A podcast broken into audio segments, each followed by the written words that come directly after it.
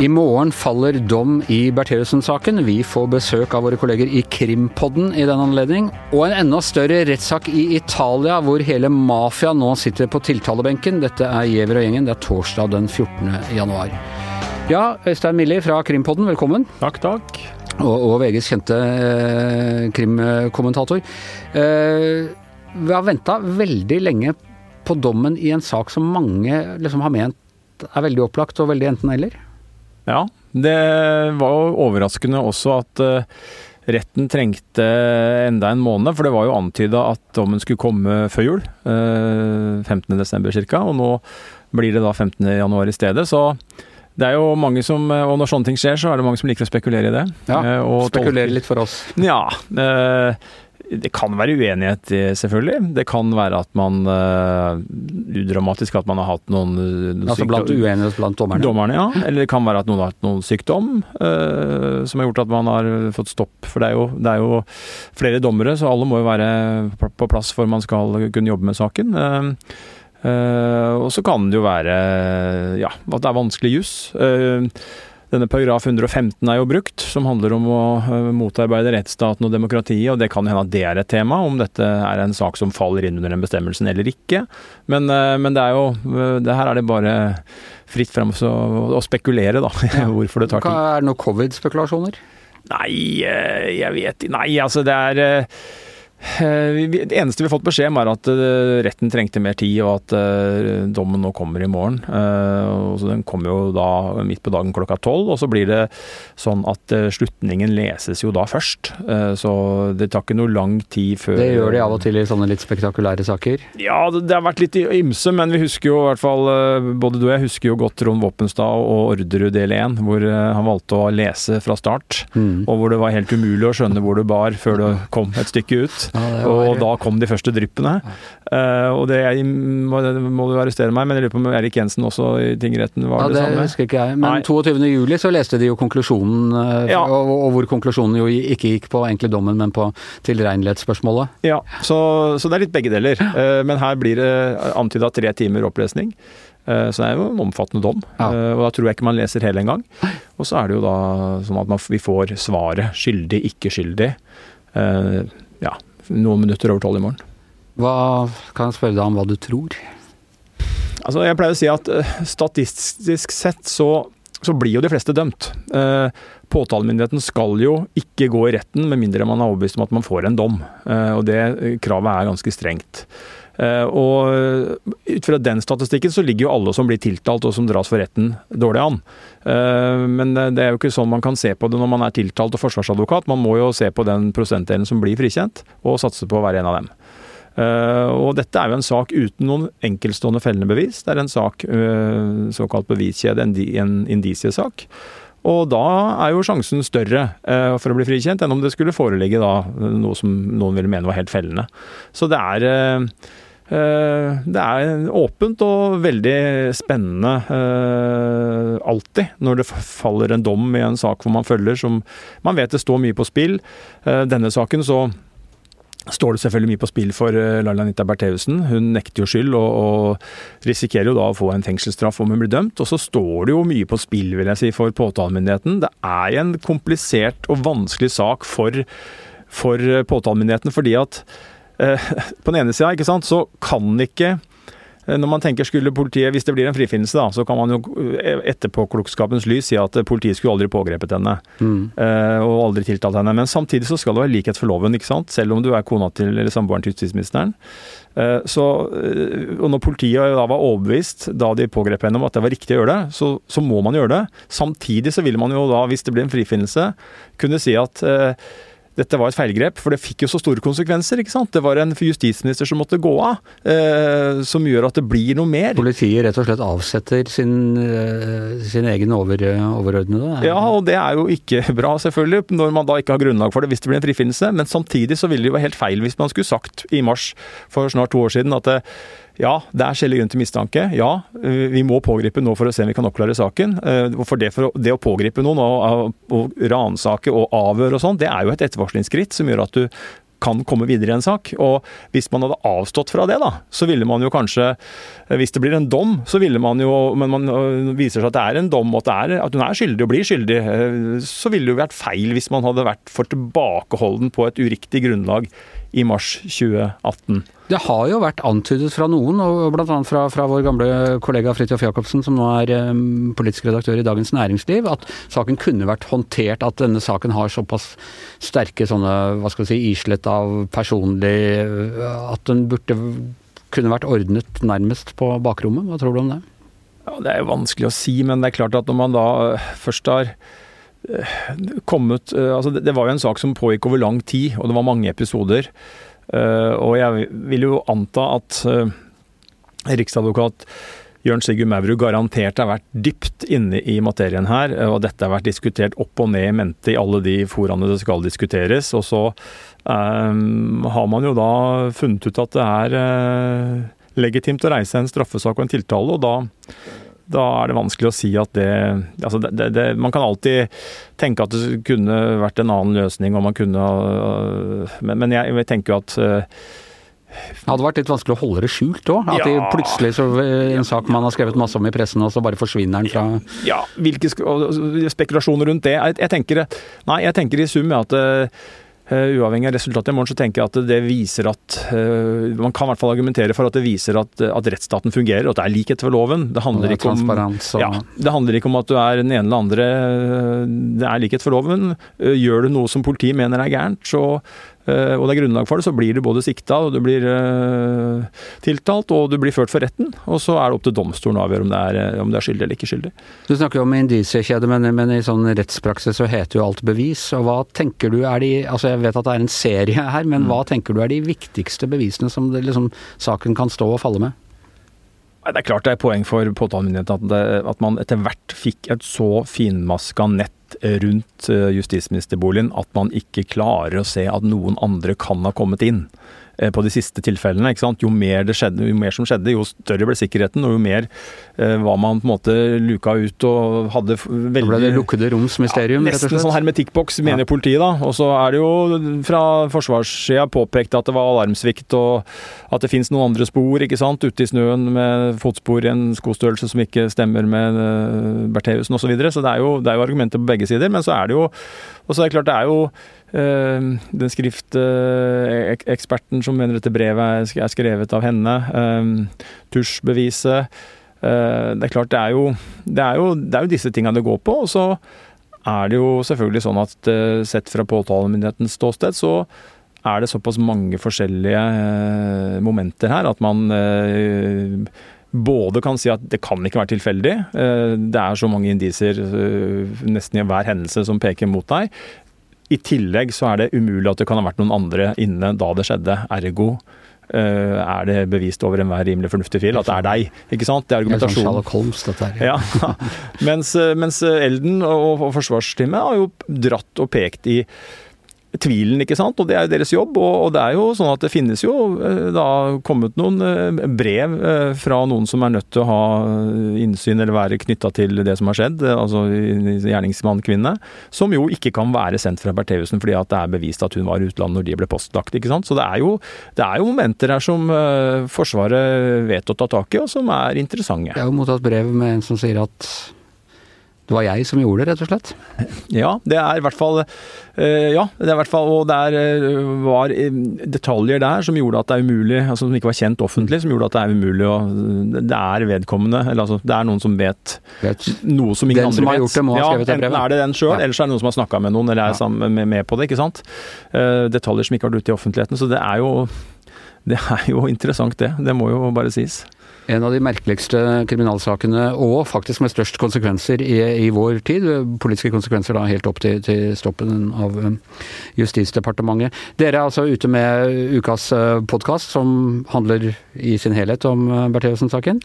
Det er vi. Det er jo sesongstart for Krimpodden i dag. Vi uh har en eh, spennende vår foran oss og har flere gode ting på gang eh, som vi tror skal være interessant. Og, og begynner med, med Bertheussen i, i, dag. Og så kommer det jo også en Ekstrasending. Ja, etter dommen så må vi, må vi, snakke om den. Så den kommer, og det blir jo full dekning på VG i, i morgen i både VGTV og de vanlige skriftlige kanalene. Og, ja, det, det er, Bertheussen-saken er som du sier, Anders, en veldig veldig stor og spesiell sak. Noe vi aldri har sett før, så dette er klart vi må eh, bruke både ja, mye tid på å oppsummere det som blir resultatet i morgen. Ingen skal påstå at VG tar for lett på denne saken, det, det er helt sikkert annen øh, fascinerende sak øh, for de av oss som er, er, interessert i kriminalitet, det er rettssaken i Italia mot den italienske mafiaen. Og der har vi ikke bare VGs største ekspert, men jeg tror kanskje vi kan si Norges største ekspert på den italienske mafiaen, i hvert fall blant, blant legmenn. Velkommen, øh, Yngve Kvistad. Tusen takk. Det er nok masse folk som vet mye om mafiaen i Norge. Bare Mange som vet mye, men du som vet mest. Vel velger jeg å si her. Uh, Uh, uh, du har bodd på Sicilia, uh, mm. skrevet bøker og, og, i det hele tatt. Hva er det spesielle med den rettssaken som settes i gang nå? Jeg kan begynne med å arrestere deg litt, for du går litt i den fella som veldig mange gjør. Da tar jeg det fifth.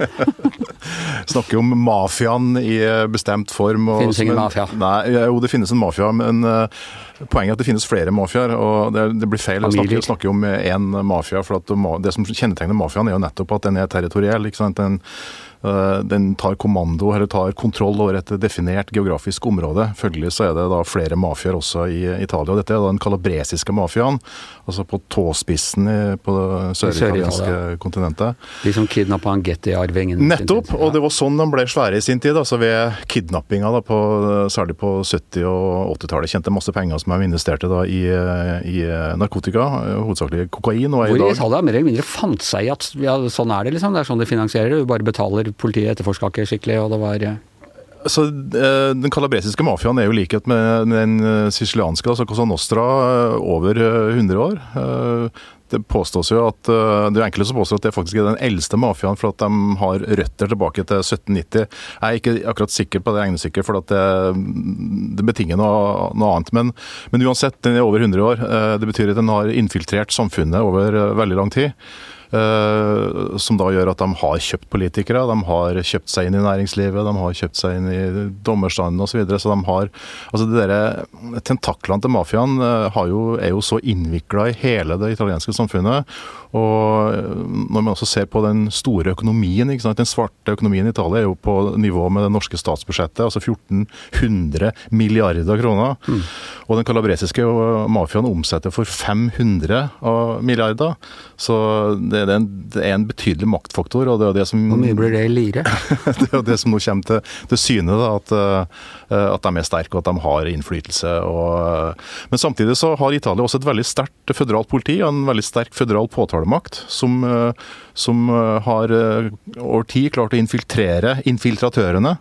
Så øh, den øh, rettssaken som starta i Kalabra i går, da, det er jo et resultat av det. altså Nitidig politiarbeid over lang, lang tid. Men hva er de tiltalt for? Er det litt som Al Capone at til slutt så tok de an på skatteunndragelse, liksom? Eller er det sånne klassiske mafiating, sementsko og Ja, det, altså det er klassiske mafiating. Det er utpressing, det er likvidasjoner og osv. Men samtidig er det også veldig mange saker som handler om korrupsjon.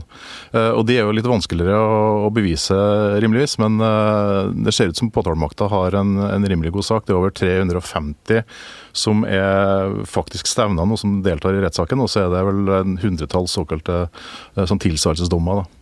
Så det, det, betyr at noen allerede har, har tilstått. Men eh, du spurte hva som er spesielt. Jo, eh, det, det, spesielle er jo selvfølgelig omfanget og det at de nå gjennomfører en ny Maxi-rettssak. Dette er jo eh, det er vel den tredje store Maxi-rettssaken i Italia, den på Sicilia i, 1986 mot Cosa Nostra var jo den første, og det var jo det som var gjennombruddet. I, Før det så var man ikke helt sikker på at det fantes noen mafia, eller om det var litt sånn populærkulturell, uh, urban myte? Ja, liksom. du, altså De har jo for så vidt visst at det har vært det, men de har jo vært veldig vanskelig for å innrømme at den finnes. Og det er jo faktisk i disse dager, for 29 år siden, altså i 1992, januar 1992, første gangen at den italienske staten anerkjente eller aksepterte at mafiaen eksisterte. Og det var rett og slett da ved ved fullbyrdelsen av den endelige dommen fra Maxi-rettssaken i 1986, eh, som da ble vedtatt i eh, kassaksjonsretten, altså høyesterett i Italia, i 92. Det er første gangen at staten eh, aksepterer mafiaen. Så det sånn sett er det et ungt fenomen. Um, Så dette er jo da den første store rettssaken etter det. og hvem er det som uh, står på tiltalebenken? Uh, Nei, altså, Tenk det- å ramse opp alle. men- Nei, men det, altså det er litt interessant, for eh, det er én familie. eh, 350 medlemmer er av én familie. For det er også litt spesielt med den kalabreske mafiaen. Er at den er også familiebasert. Da, og Det er jo det som gjør at den har også vært vanskelig å få has på. For her er, den, den rekrutteres ved blodsbånd. Cosa Nostra er jo mer sånn rekruttering med at uh, en kjenner noen som kjenner noen, og man blir tatt inn i varmen. Den er også familiebasert, men men i større grad så tar de inn folk utenfra. Kalabresiske mafiaen, i hvert fall toppsjiktet der, det er kun familie. Eh, og nå er det da den eh, såkalte Mancoso-familien. da, Eh, Luigi Mancoso, en, eh, en frykta boss som står eh, tiltalt. Og eh, det interessante med det er jo at eh, eh, det viser også noen ting eh, Sammenhenger her. For at Mancoso-familien har også forgreininger til Sicilia. Og annet derfra utvandra den Moncoso-familien som slo seg opp i uh, mafiaen i eh, New York. New York. Uh, den leder, Luciano og disse her. ja, men altså lederen av Bonano-familien i dag er jo Michele Mancoso. Eh, som er en fjern uh, slektning her. Og Han er den første såkalte wise guy som har opp, jobba seg oppe fra gata til å bli, til å bli boss. da, og Han ble utnevnt til boss i 2013-2014. hva det er. Så det viser liksom hvordan det henger, henger sammen. da. Men ellers så øvrig, de som står tiltalt, er jo, altså det er jo alltid fra Uh, ingeniører, leger, uh, forretningsfolk, eh, bankierer, og interessant nok også en del fremtredende politikere fra, fra Berlusconis parti Forza Italia. Legemafia syns jeg er det kanskje det mest, mest gufne. Eh, tenker jeg på Laurence Olivier som han tannlegeskurk i, Ja. i Maratonmannen. Men du, eh, vi vet jo fra Fangarmer-serien og i det hele tatt eh, Det var jo en krig, og, og man drepte dommere og man drepte etterforskere og sånn. Hvordan har det vært nå? Er sikkerheten til eh, de som eh, etterforsker og, og skal dømme dem, ivaretatt? Altså Nicola Gratieri, da, som er statsadvokaten som leder, eller som er eh, aktor i saken der, han eh, har jo levd under politibeskyttelse i veldig veldig mange år. For han eh, er i likhet med Falcone og Borsellino, som da var de, eh, de dommerne som leda aktoratet mot eh, mafiaen Casa Nostra i 86, så har jo han også blitt utsatt for, eh, for trusler. Og det er jo på den måten mafiaen hele tida opererer, altså ved hjelp av trusler og, og det er jo vold som middel. Eh, drepe og slippe unna med, det, er liksom det eh, modus operandi. Eh, nå har de jo selvfølgelig bygd et høysikkerhetsregime rundt den, den rettssalen. Som er, er åpenbart nødvendig. Jeg har, vært i den, de to rettssalene som ble brukt i Palermo under Maxi-rettssaken og rettssaken mot Totorina. Og sitte inn i glassburet der han ble plassert. Og det er jo det, det er relativt høy sikkerhetsregime der, altså. Det, det er ikke, du slipper ikke inn med noen bomber der. Eh, Øystein, vi har jo etter hvert fått problemer med organisert kriminalitet i relativt stor eh, skala i Norge òg. Er det et voksende problem, eller klarer vi liksom å strupe det før, før vi sitter med 350 stykker fra Distrikts-Norge på Nei, det er nok langt dit, men, men det er klart at eh, kriminaliteten den er grenseoverskridende. og eh, det er eh, jo avdekka eh, strukturer som eh, Ja, om det er inspirert fra Italia eller hva, de, hva, vi, hva vi vi, kaller det, det, det spiller ingen rolle. Det er organisert kriminalitet som på mange nivåer er skadelig, selvfølgelig. Gift for samfunnsstrukturen. Som eh, så er Norge heldig. Vi har jo en, eh, vært forskåna for det. Et lite land har vært i mange år, men det er klart eh, vi er en del av en stor verden. Og det blir eh, stadig mer utspekulerte metoder å se her også. Hvor lang tid kommer denne prosessen til å ta?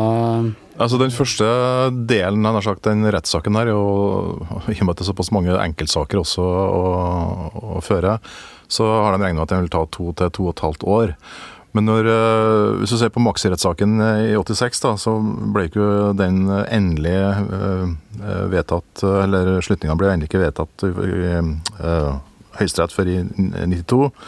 Det tok seks år. Det tok seks år, og en gjennomsnittlig italiensk rettssak tar elleve år. Så, En gjennomsnittlig italiensk ja, rettssak? tar elleve år. Ok. Sånn at eh, Jeg vet ikke, vi, vi ser nok ikke den endelige slutten på det her i Det blir ikke i vår tid. Nei, eh, men det som er interessant, da eh, i, Du kan si den, den saken i, i 86, han fikk sin eh, eh, fikk sitt, De satte punktum for dem, og så ble det altså av de 500 som var tiltalt, så var det 338 som ble dømt. De fikk til sammen noe sånt som 2600 år eh, i fengsel. 19 bosser ble dømt til livstid. En av dem in absentia, det var jo Totorina. Han ble da tatt i Var det i potetkjelleren, eller hvor det var? Nei, han ble tatt i et lyskryss. Oh, ja. Eh, etter å ha for så vidt ha levd relativt åpent i eh, Palermo. Totorino ble tatt, uh, stoppa på rødt lys. Kom folk, politifolk, eller kom folk rundt den, sivilister. Og han satt der likbleik, og så dro eh, Det var ikke Grassi, men det var en annen eh, politileder som bare tok opp politiskjeltet og viste den, og så bare sank han tilbake i setet og sånn. Og pusta letta ut og sa 'Å, er det bare dere?' Sånn.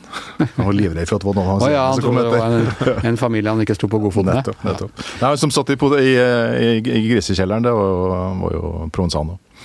Ok, det er, eh, det er mange historier eh, om mafiaen, og de er eh, fascinerende. Og det er, det er jo noe litt perverst hvordan vi interesserer oss for kriminalitet på denne måten. Men eh, sånn er det. Eh, Sopranos en av de beste TV-seriene som har gått. Eh, Gjever og gjengen er over for denne gangen. I studio, faktisk. Ikke i hjemmestudio i dag. Yngve Kvistad, Øystein Mille, jeg heter Anders Gjever. Og vår Don, som også er til stede og passer på at vi ikke gjør noe gærent, er produsent Magne Antonsen.